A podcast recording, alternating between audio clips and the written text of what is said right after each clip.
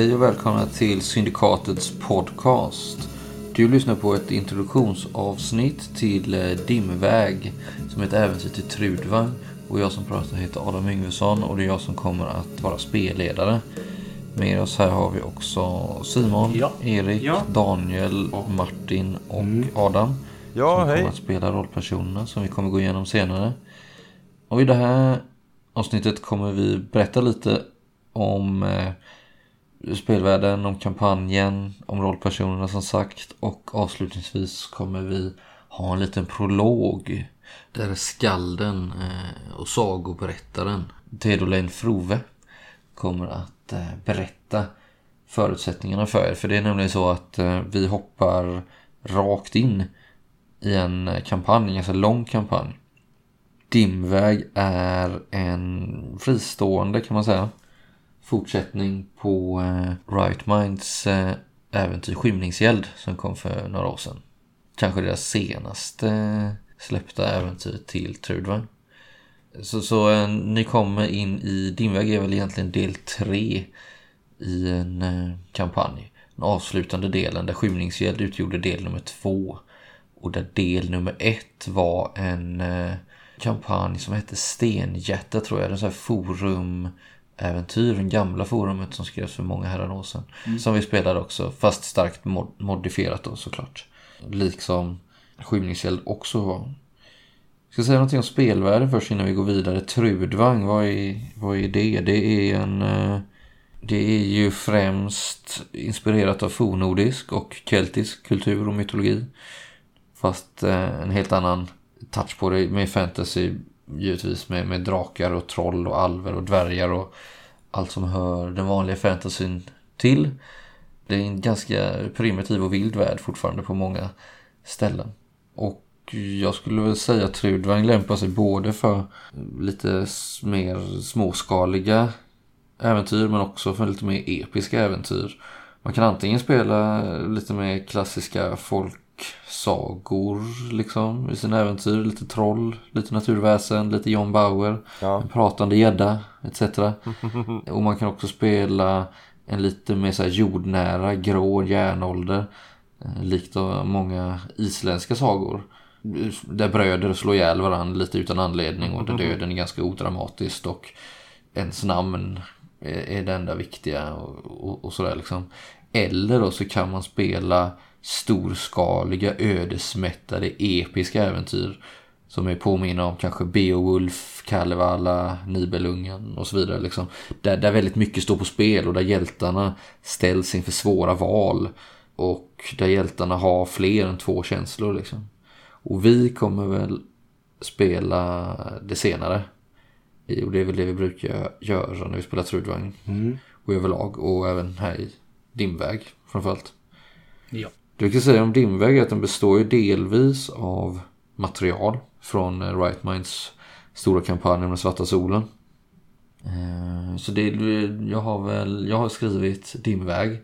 Men det finns ju vissa scener från Snösaga framför allt. Eh, ett par karaktärer som jag hämtade därifrån. Men i övrigt så, vi har ju redan spelat Snösaga så det här är ju egentligen del två. Man kan säga att för oss så ersätter Dimväg Eldsjäl. Eh, det enda som jag har hämtat från Eldsjäl är väl egentligen historien om den här eldpesten då. Men i övrigt så är det mesta egenskrivet. Eh, men mycket är ju då också hämtat från Skymningsgäld. Eller inte hämtat därifrån men det är ju en fortsättning så att många av karaktärerna är från Skymningsgäld återfinns ju också här. Och jag kan säga att många av våra karaktärer här också har varit med väldigt länge. Eh, Simons karaktär till exempel, Ravan, har ju varit med från allra första början, vilket är snart åtta år sedan vi började med den här kampanjen. Eh, sen har vi tagit väldigt långa pauser, ska vi säga.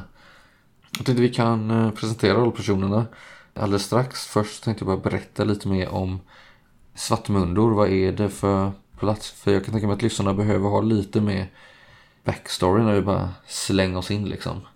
Eftersom ni har missat en hel del så att säga. När vi gör på detta vis hoppas det är okej med er. Men om man kan säga om Svartmundor är väl att det är ett eh, ganska vilt och farligt rike. Längst eh, norrut i Mittland. Svartmundor är en del av Minjord och styrs av en lydkonung. Vanligtvis i alla fall. Eh, inte just nu när vi spelar för att han är död. Och, och, och lydkonungen är underställd storkonungen då i Minjord. Lydkonungen regerar från staden Angarboda.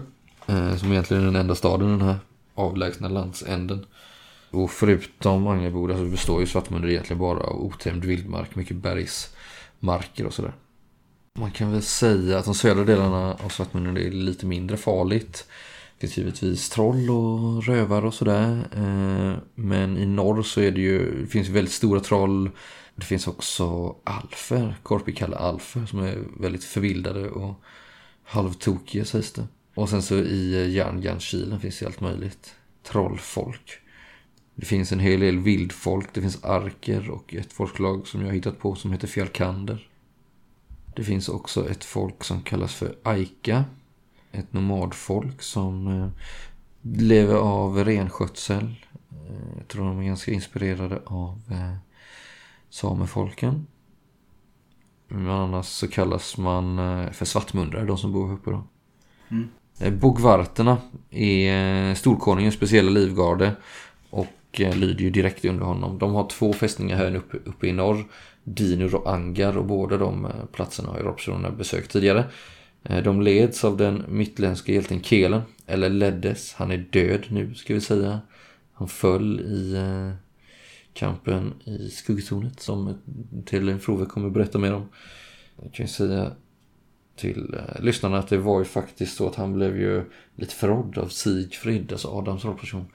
Ja, just det. Som eh, förgiftade honom och eh, stack en kniv igen när ingen såg. Ja. För att han utgjorde någon typ av hot. Eh, men mer om det kommer när vi väl börjar spela sen. Eh, så Bogvartna står också utan ledare just nu. De är vanligtvis eh, stationerade ganska många här men sedan en tid tillbaka så finns det ju bara en handfull här. På grund av det här stora kriget då som rasar. Som vi också bör säga någonting om. Vi, när vi spelar här nu då så har en stor här rest från eh, Vastemark då. Och Ovus, den religiösa ledaren som har, eh, som har eh, dratt med sig det här blodståget då. För att strida mot, eh, mot de otrogna mittländerna. Ja. Det har uppstått ett stort krig där och de ligger utanför Mainio då, staden Mainio, i landet Mainio. Eh, belägrade just nu, men det har uppstått ett dödläge eftersom eh, det har utbrutit den här eldpesten då i båda, i båda läger. Rollpersonerna är ju eh, anlitade av en person som heter Solfurd. Han är nu järnfurste av Valsong som är en del av eh, Silftrunder. Och en väldigt eh, mäktig person som är rollpersonens uppdragsgivare egentligen i den här, det här äventyret har varit det rätt länge.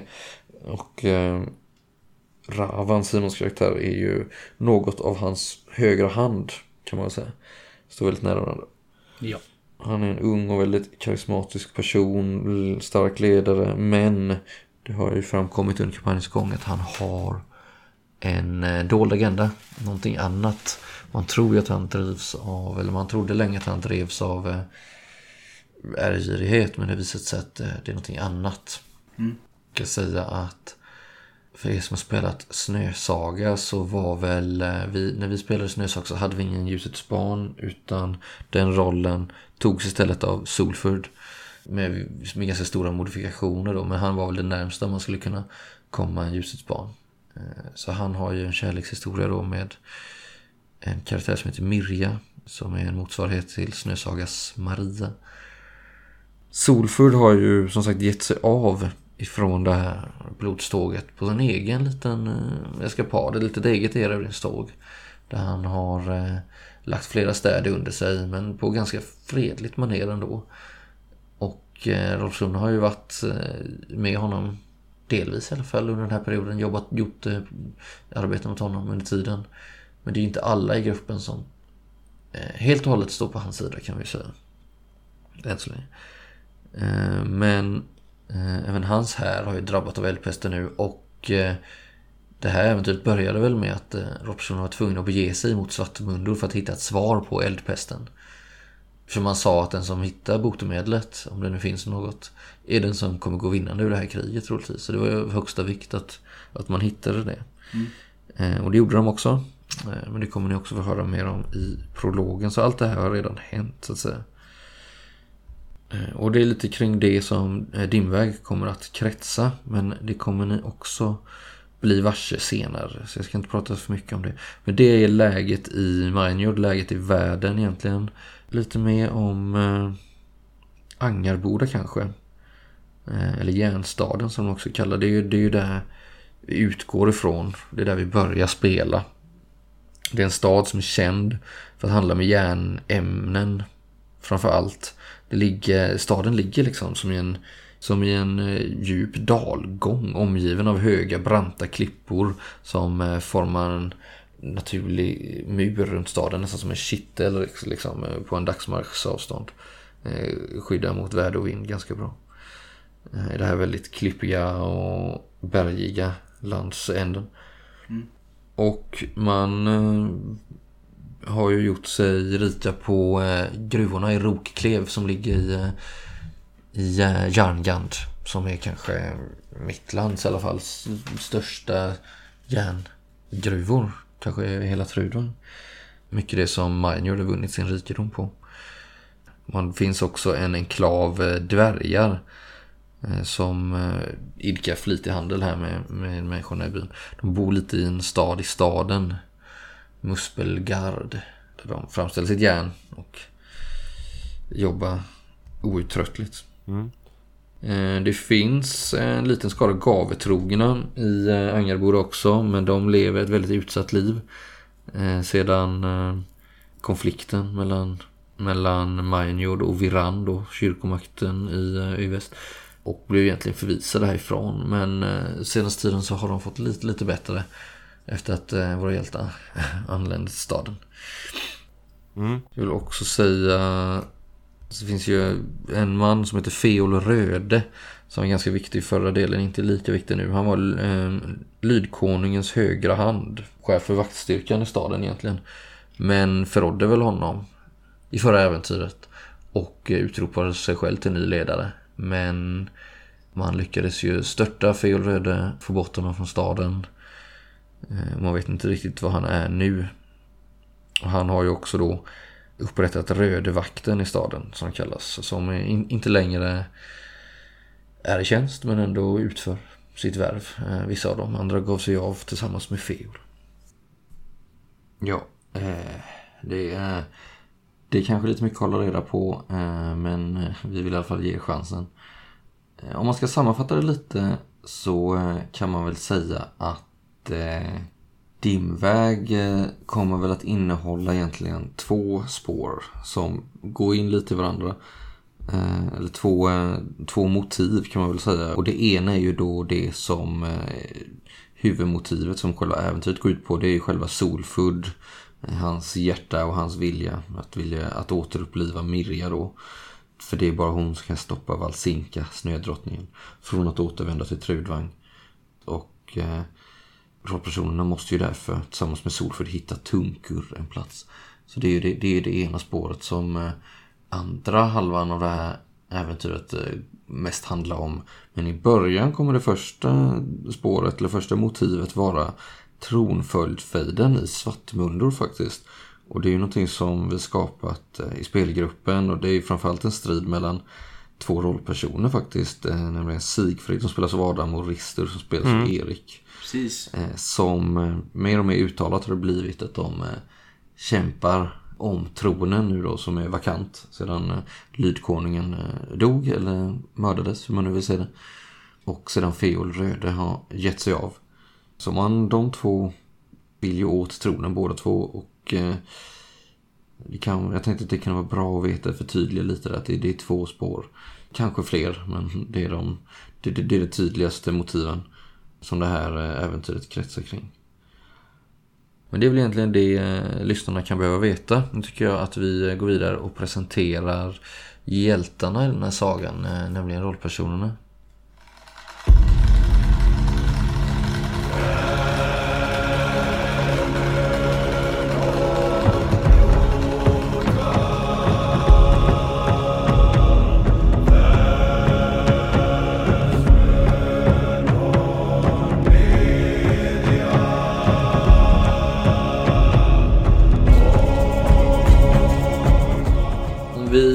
Börja med eh, dig Simon. Ja. Vem eh, spelar du? Jag spelar eh, Ravan. En barkböling från Viran. För de som inte vet vad en barkböling är. Det är alltså en, en eh, halvvalv. Rätt och slätt. Av slaget Korpikalle. Just det, din mamma var korpikalle. Precis. Din pappa var människa. Är. Eller jag vet inte om de är döda. Mm. I, I runda slängar 30. Lite drygt. Främsta färdigheter är väl strid och främst båge. Och vildmarksvana såsom spåra och jaga och dylikt. Och främsta karaktärsdraget är väl eh, fysik.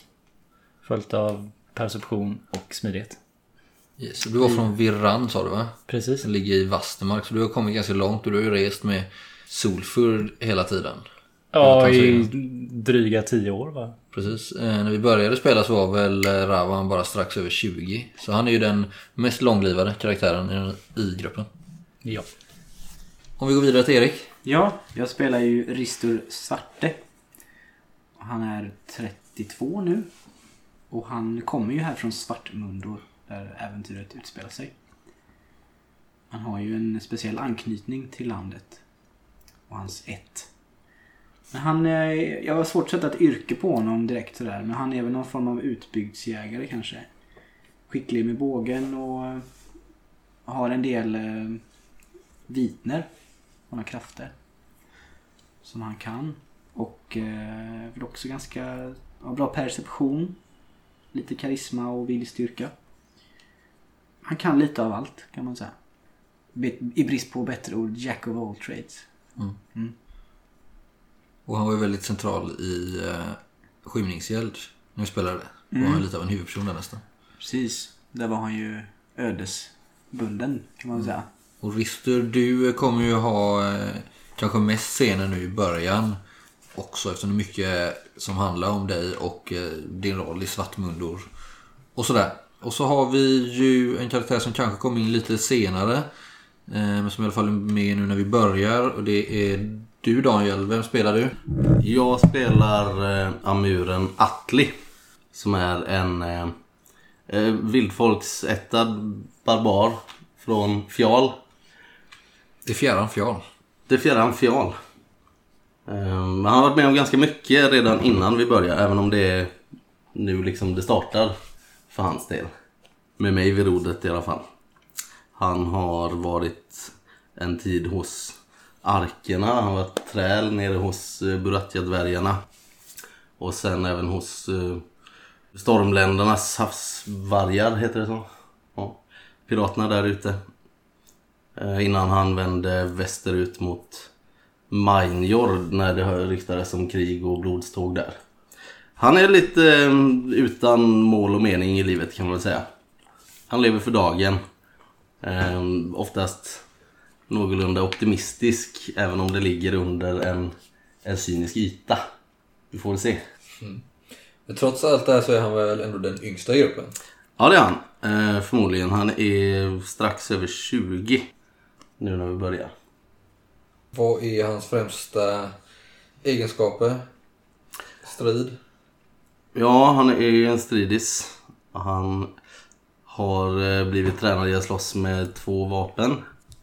Men det är kanske inte hans eh, främsta drag utan det är snarare hans, hans slughet. Att han är eh, ganska slipad i sinnet om man säger. Just. Samtidigt som han har en, en god fysik och är ganska kvick av sig. Men det är framförallt hans eh, Hans eh, skalle som har hållit honom vid liv så här länge. Du beskrev honom någon som en eh, civiliserad vilde. Ja, det kan man säga. Jag vill ha en, eh, en Conan-karaktär. Fast i, med Trudvang Fernissa istället. En lättspelad figur som liksom kan hänga med på alla äventyr som dyker upp. Och eh, hej Martin. Vem spelar du? Ja, jag spelar en dvärg som heter Brock. Och Brock han är av Kasatonons blod. Och han är en bojornika dvärg som eh, är från Okrug. Och han är i eh, 50-årsåldern. Och är väl något av en... Eh, ingen stridsdvärg precis utan han är mer en handels... Handelssläkte. Han är ändå helt okej på att slåss ju. Eller Jo det är han. Han är men, eh, med en viss defensiv eh, framtoning. då. Mm. I, I strider och sådär. Sen är han eh, väldigt perceptiv. Givetvis. Han är väldigt bra på att eh, se, se faror innan de händer. Ser givetvis extremt bra i mörker också. Eftersom han är dvärg. Även något av en eh, säga. Mm, han har blivit det under Ja. förra äventyret. Precis. Kör vagn. Mm. Och sådär, vad sa du? 50 år så han är väl övre medelålder? Eller han... Ja, och för en dvärg så är jag väl eh, kanske i eh, medelålder. Ja. Tidig medelålder Mm. kan man säga. Så viss erfarenhet. Men eh, långt ifrån lastgammal. Mm. Dvärgar kan ju bli rätt gamla. Och eh, Brock träffade ju de andra rollpersonerna när ni var nere i Fradkov. Ja, precis. Det här dvärgriket Ja, som det är var precis, grann, eh, grannrike till det där du bor. Jag hade precis varit med i en ganska allvarlig strid där. Eh, och eh, tappat många av mina bröder. Och eh, Adam, hej. Vem spelar du? Ja, hej. Det är jag som spelar Sigfrid. Det, är jag som är Adam, den andra Adam. Sigfrid är en mittländare som kommer från Minejord. Och han är eh, ganska högättad, kommer från en, eh, ett litet, eh, ska vi säga, eh, här- hövdingadöme eller vad, vad heter det? Hjälp mig Adam. Ja, man kan väl säga att han är hövding eller gode eller förste, furstendöme. Furstehus. Ja, ett litet furstehus om, ja, om, det, om det är det som, som, som gäller. Ett furstehus där i, eh, i en, vid en, längs en stor handelsled. Eh, som vi har, eh, så handel har varit vårt stora, eh, vår, vår livsorder i många, många generationer då. Eh, och den här eh, borgen eller furstehuset som vi har då är, kallas Tingvitlir eftersom där hålls också ganska många ting mellan andra storfurstar som ligger runt omkring. Så, här. så vi fungerar både som ett, en tingsplats och en, eh, ett handelscenter. Då, så att det, det är där vi har liksom. Ja, och så ska vi väl tillägga att Timmitlir ligger väldigt långt i öster i Minejord. Det ligger på gränsen till eh, Dranvälte. Så ni eh, håller på att samla in lite tull och, och sådär i smyg ibland också, jag för mig att vi sa. Mm. Eh, men det ligger väldigt långt bort och eh, Sifri har ju rest och är eh, i nuläget eh, ganska långt hemifrån faktiskt, även om han fortfarande är i samma rike, så att säga. Man skulle väl kunna jämföra det med, eh, vad heter det? Eh, vår tids Bryssel. Att det kommer väldigt mycket personer och liksom, sitter i råd där. Eh, eller vad heter det? Kalmar under Kalmarunionen. Det är en väldigt eh, viktig plats, knutpunkt så. Ja. Tänkte, vad är dina främsta egenskaper, utmärkande och hur ser han ut? Han är väldigt vacker. Eh, Sigfrid är, eh, ja vi kan väl säga regeltekniskt, han har eh, karisma 4. Plus 4 ska jag säga. Och Det är ju det mesta man kan ha, ska vi säga. ja, det, han, han har toppat där då. Och har då, eh, så att även fast han är en eh, ganska skicklig stridsman och sådär, välväxt och mm, väl rustning och härklädd och sådär. Så är han, eh, vad ska jag säga, en, Eh, en Adonis av, av sitt folk. Han är ju människa då. Eh, och skaldar väldigt mycket så som många gör i den här kontexten. Eh, ja, men han är ju väldigt karismatisk och vacker och inte bara det, han tar ju mycket plats också gärna i ett rum och, och folk runt omkring honom tycker om att vara med honom, vara nära honom för han har den utstrålningen. Rummet förändras när han kommer in liksom. Eh, och har lätt att få folk att följa honom liksom. Utan att behöva anstränga sig egentligen. Mm, och han säger han härdad också men det, det är bara lite. Eh, så, nej, så han är väldigt, eh, och eh, det spelar han ju på. Och eh, på så sätt att han är, agerar ofta ledare och tar ledarposition och sådär. Hur gammal, eh, hur gammal är han? Eh, han är runt eh, 30-35 nu. Han kanske började spela när han var runt, eh, kan ha varit 30 då kanske? Så Någonstans där. Yes, Det, var, eh, det var alla rollpersonerna. Nu eh, gör vi så att vi lämnar över ordet till vår skald Theodolain Frove.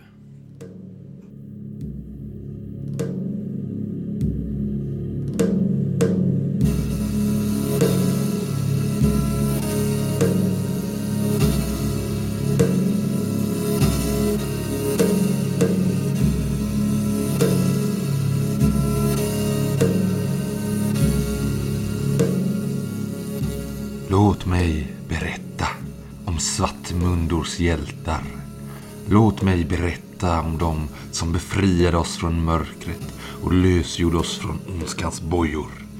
Låt mig berätta om Ravan, Sigfrid, Ristur, Atli och Brock. Hjältarna som dräpte trollkaren Dogol och skickade hans demon Glodvingur till Blutiheima. Kom, kom närmare. Se så, ännu närmare. Saken jag ska berätta är lång och min röst är gammal och svag. Jag har rest över hela mitt land och jag har hört alla sånger och sjungit dem med. Mitt namn är Tedolain Frove, kommer från Ilgevad i norra Mainjord för ett par vintrar sedan. Nu sitter jag här på Trins gästhus i Angerboda, hjärtat av Svartmundor. Ni vet väl att det var här som våra hjältar bodde när de först kom till er stad? Då var det ingen annan som hade mod att bevista vår kära Trins gästhus, eller hur? Men nu är det fyllt i bredden. Alla vill ni gå i hjältarnas fotspår. Ni vill vara som dem. Ni vill vara nära dem och ni drömmer om att ha deras mod. Jag vet att ni vill veta allt om dem. Och om ni lyssnar ska jag berätta. Det är en saga som kommer att få er att häpna, att dra efter andan och kura ihop er av skräck. Så om ni är redo att höra min skvild, kom närmare och var tysta. Och låt oss börja från början. Säg mig, ärade lyssnare. Har ni hört sagan om snödrottningen? Har ni hört om kriget som rasade i väst för några år sedan? Ja, jag tror det väl det. Det var en tid då vargarna ylade av hunger och blodtörst. Ett tidevarv då solen gömde sig bakom sotsvarta moln och förlorade själar stönade när systrar och bröder svek varandra under månens dystra sken. Under förvridna former blotades det med fler människor än det fanns maskar i jorden. Ljusa krafter slogs mot mörka. Silvtrunder stod i brand. Trollhornen dånade. Bågsträngarna sjöng. Snön färgades röd och gudarna grät. Dvärgarna blundade. Alverna höll andan. De visa hade sett järtecken på världens undergång. De döda var fler än de levande och allt för många hade hört hennes viskningar. Många trodde nog att den tiden var glömd. Försluten i gamla minnen och förborgad i evighetens stormbyar. När vintern slog till med full kraft förstod de att i dess sövande sköte gömde sig den mörka framtiden. Om ni har hört om snödrottningen har ni också hört sångerna om Solfull Valsång, den unge järnfursten av Silvtrunder och snödrottningens betvingare. Tillsammans med en liten skara hjältar begav han sig ut på isvidda långt upp i norr samtidigt som Silvtrunder stod i brand och föll för snödrottningens iskult och hennes mörka här som tågade vidare mot Viran. Men i isvidda lyckades Solfull besegra snödrottningens ivrigaste anhängare som förberedde sin drottnings återkomst till Trudvang. Om ni redan har hört dessa sånger har ni säkert hört om Ravan Gardavir. Han var en av hjältarna som tryckte tillbaka ondskan till sitt mörka hål den gången. Och den som dräpte Faustrik, snödrottningens härförare. Ja, det är samma man som vi har här i vår stad nu. En av hjältarna som besegrade Dogol och hans fyrbolger i skuggtornet alldeles nyligen. Med hans hjälp hade Solfurt satt stopp för iskultens ledare Viljespa, Solfuds egen farmor. Men först efter att hon offrat Mirja i järnschaktet kultens mörka borg Blotur. Mirja var Solfuds stora kärlek och av Norim alvernas blod. Det sägs att hon är Norna återfödd. Den mytomspunna alvdrottningen som födde Valsinka. Valsinka som mördade sin familj och blev snödrottningen. Ondskan själv. Mirja är deras ättling i rakt nedstigande led och den sista av sitt folk. Men hon förråddes av sin familj och mördades av iskulten som det högsta offret i snödrottningens ära. När iskulten var besegrad och Faustik fallit i isvidda vände krigslyckan för Silvtrundes stolta riddersmän. Snödrottningens här hade vid den tiden stött ihop med Ovurs armé på gränsen till Viran. Tillsammans med Solfurd och de andra silvtrundiska furstarna rensades Vastermark på iskulthister och svartfolk. Det lyckade kriget gav Ovus blodad tand och freden blev inte långvarig då han snart fick en anledning att skicka ett blodståg mot Mittland där Nidendomen hamnat under attack från den nya storkonungen av Mainjord. Solfurd av Alsong var en av de första att bli kallade av Ovus och med sig tog han givetvis Ravan, sin trogne följeslagare. När Mainjord väl var belägrat skickades Ravan på en lång resa österut på uppdrag av Solfurd för att bärga det omsjungna stridshornet Galdrasang som han efter stora prövningar fann i en trollhåla nära Dranvältes kust. Ja, han var inte ensam såklart. En av de andra i sällskapet var Sigfrid av Tinvitlir som han hade träffat på resan. Ja, just det. Sigfrid den sköne, hårfager, det stämmer. Han är ju också en av våra hjältar här i staden. En av de som just återvänt från skuggtornet. Det sägs att det var han som till slut dräpte Dogol och det sägs att han har den förre lydkonungens dotters hand. Tror ni att han kan bli vår nästa lydkonung rent av? Ja, han ligger bra till just nu i alla fall. Sanna mina ord, sanna mina ord. När Ravan och Sigfrid återvände hade Solfrid lämnat blodståget och startat ett erövringståg med sin egen här. Han blev tvungen att förhandla med Sigfrid för att få Galdrasang, som Sofud behövde för att fullborda intagandet av staden Himinbrioter och de båda knöt en pakt som framtida samarbete. Det visade sig nämligen att den unge fursten hade större planer än att belägra mittländska städer. Han hade kommit till Mittland för att finna den beryktade stenflöjten. Den som kan väcka de döda till liv. Den som skulle kunna väcka hans älskade Mirja åter. Och han hade förstått att den skulle finnas i det övergivna dvärgeriket Fradkov. Därför skickade han en grupp förtrogna män dit för att finna den åt honom. Förutom Sigfrid var det tre män vid namn Korentin, Atli och Rovald. Ja, just det, det stämmer. Alla tre ingick i den grupp som begav sig av härifrån mot skuggtornet. Även om den där Korentin visade sig vara en förrädare. Och om ni nu känner Rovald bättre som Ristur, kanske. Men det visste inte den modiga skara som Solfurd sände till Fradkov, ledda av en gammal morkvitalja vid namn Kulwan som var den enda som visste var nedgången till det öde dvärgeriket låg och som också var den som på omvägar introducerat Solfurd för Atli och Rovald. Vad som hände i Fradkov är förborgat i historien och i det djupa mörkret. Exakt vad som hände är det bara hjältarna själva som vet. Men vi vet i alla fall att de mötte dvärgen Brock och att han kom att bli deras vapenbroder, vilket han är än idag. Ja, han är ju också en av hjältarna i vår stad, inte sant? De mötte tydligen också en mystisk man som kallade sig för Narfi där nere. En man som de, som de skulle komma att möta igen. Lägg hans namn på minnet. Säkert är också att de till slut återvände till Himmelbrioter med stenflöjten. Och att de tvingades fly ut ur Fradkov och att de under flykten hann frita en korpikalla Alf som satt fängslad i en bergshåla utan dörr eller fönster. Hans namn var Niro Purka och de skildes åt för att aldrig åter ses. Under tiden de andra hjältarna var i Fradkov hade Solfurd skickat Ravan för att söka ett botemedel på eldpesten. Den farsot som hemsökte Mittlands alla härläger. Han skickade honom norrut, närmare bestämt hit till Svartmundur då den unge fursten hade goda skäl att misstänka att det var härifrån som eldpesten spreds. Men då inget hörts från Ravan sedan han begav sig skickade Solford även iväg de andra hjältarna i samma riktning. Återigen med Kurwan som vägvisare. Kurwans uppdrag i Svartmundur var dock ett annat. Han skulle hitta de utomspunna järntämjarna vars dolda by Tunkur sades gömma sig någonstans i järnganskylen. Det är nämligen bara de som vet hur stenflöjten används. och hur man kan få de döda att återvända ifrån Helgard, dödsriket. Det var så de kom hit till Svartmundor, våra hjältar, ridande på silvtrundiska spirilanare som givits av Solfull av sång. En av våra hjältar, han som kallade sig Rovald, har starka band till detta land.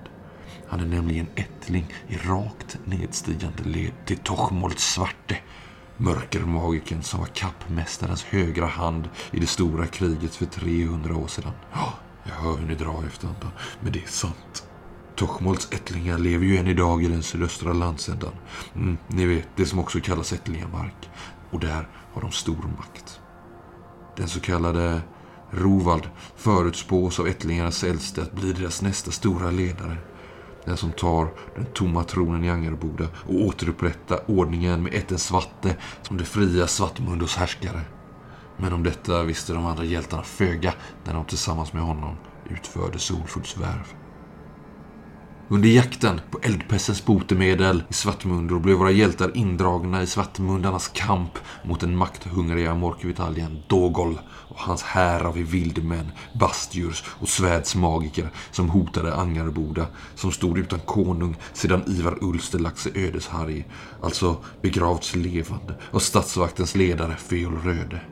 Våra hjältar kom snart i konflikt med just Feol Röde. De lierade sig med Rova Ulster, den döde konungens dotter, och med bogvarterna i Angar. De såg hur Aika-folket led på järnmarkerna och när de kom till gamla tornet Dinur började de misstänka att Feol ingått en pakt med vildmännen i landet, både arker och fjallkander. Våra hjältar stred mot arkerna som överfallit gruvorna i Roklev och de fritog deras fångar. De begav sig till Kummelgård och hamnade nästan i händerna på lindgastarna som hade en öppen pakt med Fel Röde och deras lindormar. Där fann de bland andra Ravan som tillfångatagits av lindgastarna när han sökte ett svar på eldpesten i mycket dåligt skick och förde honom till Angarboda för att tillfriskna.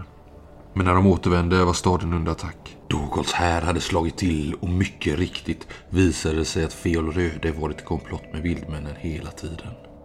Efter hjältemodiga insatser av traktens utbyggdsjägare och främst med hjälp av stadens dvärgar lyckades man dock hålla tillbaka Dogols här och rädda Angarboda. För den här gången. Hären drog sig tillbaka, men ryktet gick att de bara omgrupperade sig i väntan på de rimtroll och rimtursar som var på väg ner från bergen för att ansluta sig till Dogols här. Vid den tidpunkten hade Kulwan återvänt från sina vandringar i norr och i all sorg och elände förde han goda nyheter med sig. Han hade hittat någon som visste vägen till Tunkur och de så kallade järntämjarna. Kulwan, som kände till Rovalds hemlighet, berättade också för honom att han nåtts av nyheten att Tochmolts ättlingar gömt sig på en hemlig gård någonstans i sydöst och att de var i stor fara. Liksom kunskapen om Ena Itan, Tochmolts spjut. Ristur hade länge vetat att Dena Itan var nyckeln till ättlingarnas tronövertagande och det enda vapen som kunde döda Glodvingur. Därför begav de sig söderut, till Ättlingemark. Där möttes Ristur av en hemsk syn. Gården var nedbränd och bara några få ättlingar var kvar. En av dem var Rakia, Risturs moster och klanens völva.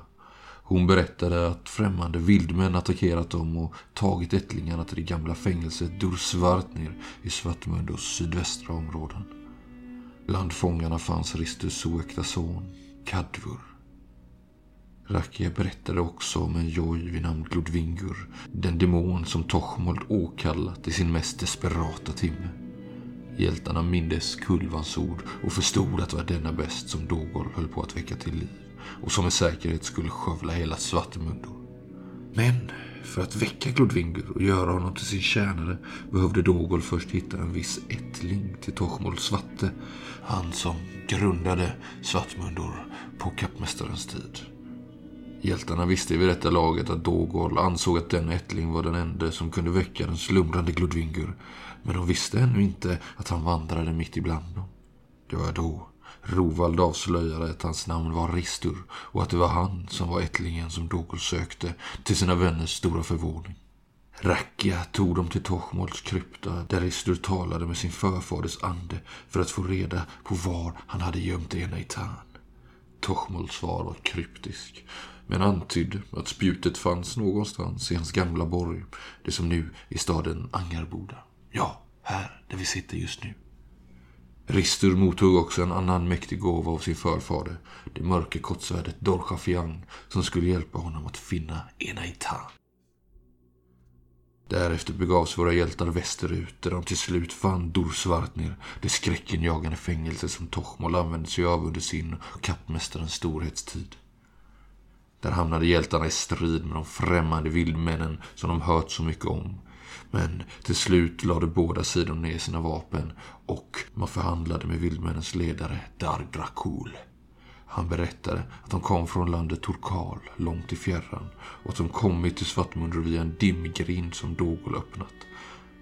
Det var de som spridit eldpesten efter Dogols vilja. Hjältarnas förhandlingar slutade med att Sigfrid slöt en pakt med Dargrakul om att överlämna botemedlet mot eldpesten och de tillfångatagna ättlingarna i utbyte mot att Grakuls torkaler skulle få makt och inflytande i landet som Angarbodas statsvakt efter att Sigfrid själv gift sig med Rova Ulster och blivit ny lydkonung av Svartmundor. De andra hjältarna lade sig inte i Sigfrids förhandlingar och Ristur ledde sina släktingar ut ur fängelset. Men många hade dött och han svor en ed att hämnas på turkalerna för det de gjort mot hans folk. Han begravde sina döda och därefter begav sig våra hjältar tillbaka till Angaboda med botemedlet för att finna en Eitan för att samla mod inför den slutliga uppgiften att besegra Dogol. Så fort de nådde Angaboda så Kulvan till att sprida botemedlet och dela ut till de sjuka i staden. De fick veta att vildmännen hade anfallit ytterligare en gång men sedan givit upp och bet sig av eh, nordöst till en plats som tydligen kallas för Skuggtornet. Samtidigt hade Feol Röde flytt staden med en del av sina män ur Rödevakten. Ingen visste vart, men man misstänkte att han bet sig till Kummelgården och eh, Lindkastarna. Ristur hittade till slut sitt ödes spjut. Dorchafiang ledde honom mycket riktigt till Enaitan. Han fann det i ett träd i stadens Asklund tillsammans med en samling nedtecknade besvärjelser. Våra hjältar samlade en skara på 24 tappra män och kvinnor och förberedde avfärden. Med Kelens välsignelse iklädde sig Sigfrid Angabodas legendariska drakrustning och man sjöng dådsånger i hjältarnas ära. Sedan begav de sig av mot det fjärran skuggtornet. Det blev en lång och smärtsam resa. Det brokiga sällskapet plågades av inre strider och snart även av ytterligare ett svek.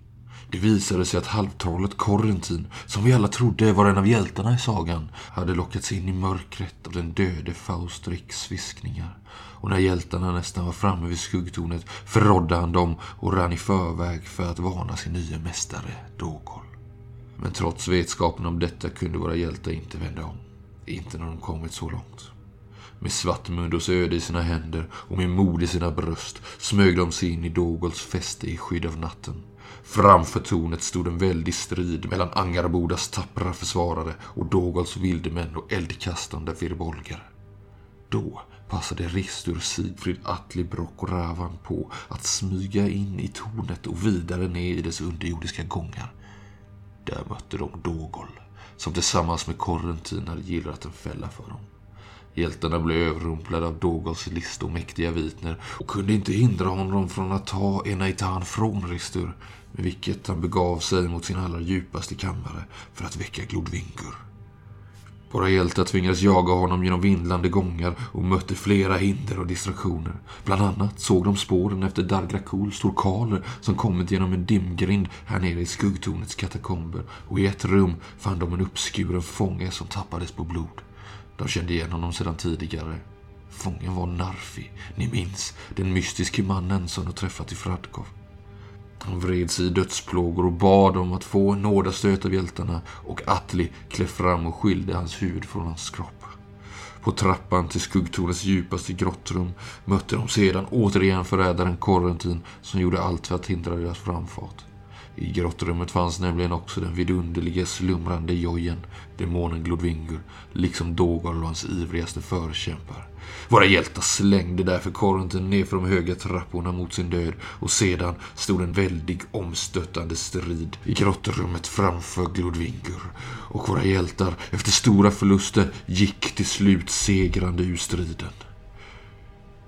Ristur, som bar den ödestyngda bördan att skicka Ludvingo tillbaka till Blotihaima med hjälp av sin förfaders spjut, vek sig i det avgörande ögonblicket och Kulvan klev fram i hans ställe och utförde dådet, vilket skickade både honom och Ludvingur till Blotihaima. Till slut föll även Dogol efter att våra hjältar blivit honom övermäktiga. Efter att Ravans Spila fått honom på fall så var det Sigfrid som utdelade nådastöten. Och Dogols mörka styre var för evigt brutet. Hjältemodiga och segerrusiga. Men ändock var det en sargad skara som begav sig tillbaka mot Angaboda. Staden som man försvarat och räddat ur vildmännens klor. Av de 24 modiga själar som ridit mot skuggtornet var det bara hälften som gjorde resan tillbaka. Men när hjältarna väl återvände till Angaboda fick man ett kungligt mottagande. Invånarna samlades på stadens leriga och snötäckta gator för att hylla sina hjältar som botat dem från eldpesten och nu även befriat dem från de mörka härskarorna. Folket kastade sig på marken framför deras fötter. De kysste sina hjältar och omfamnade dem. De erbjöd dem sina dyrbaraste gåvor och fann upp sånger i deras namn. Lydrådet och konungadottern utlovade genast ett offentligt gästabud och ett firande som skall vara i nio dagar och nio nätter. Allt till hjältarnas ära. För svartmundarna, likt alla mittländare, älskar sina hjältar högre än allt annat.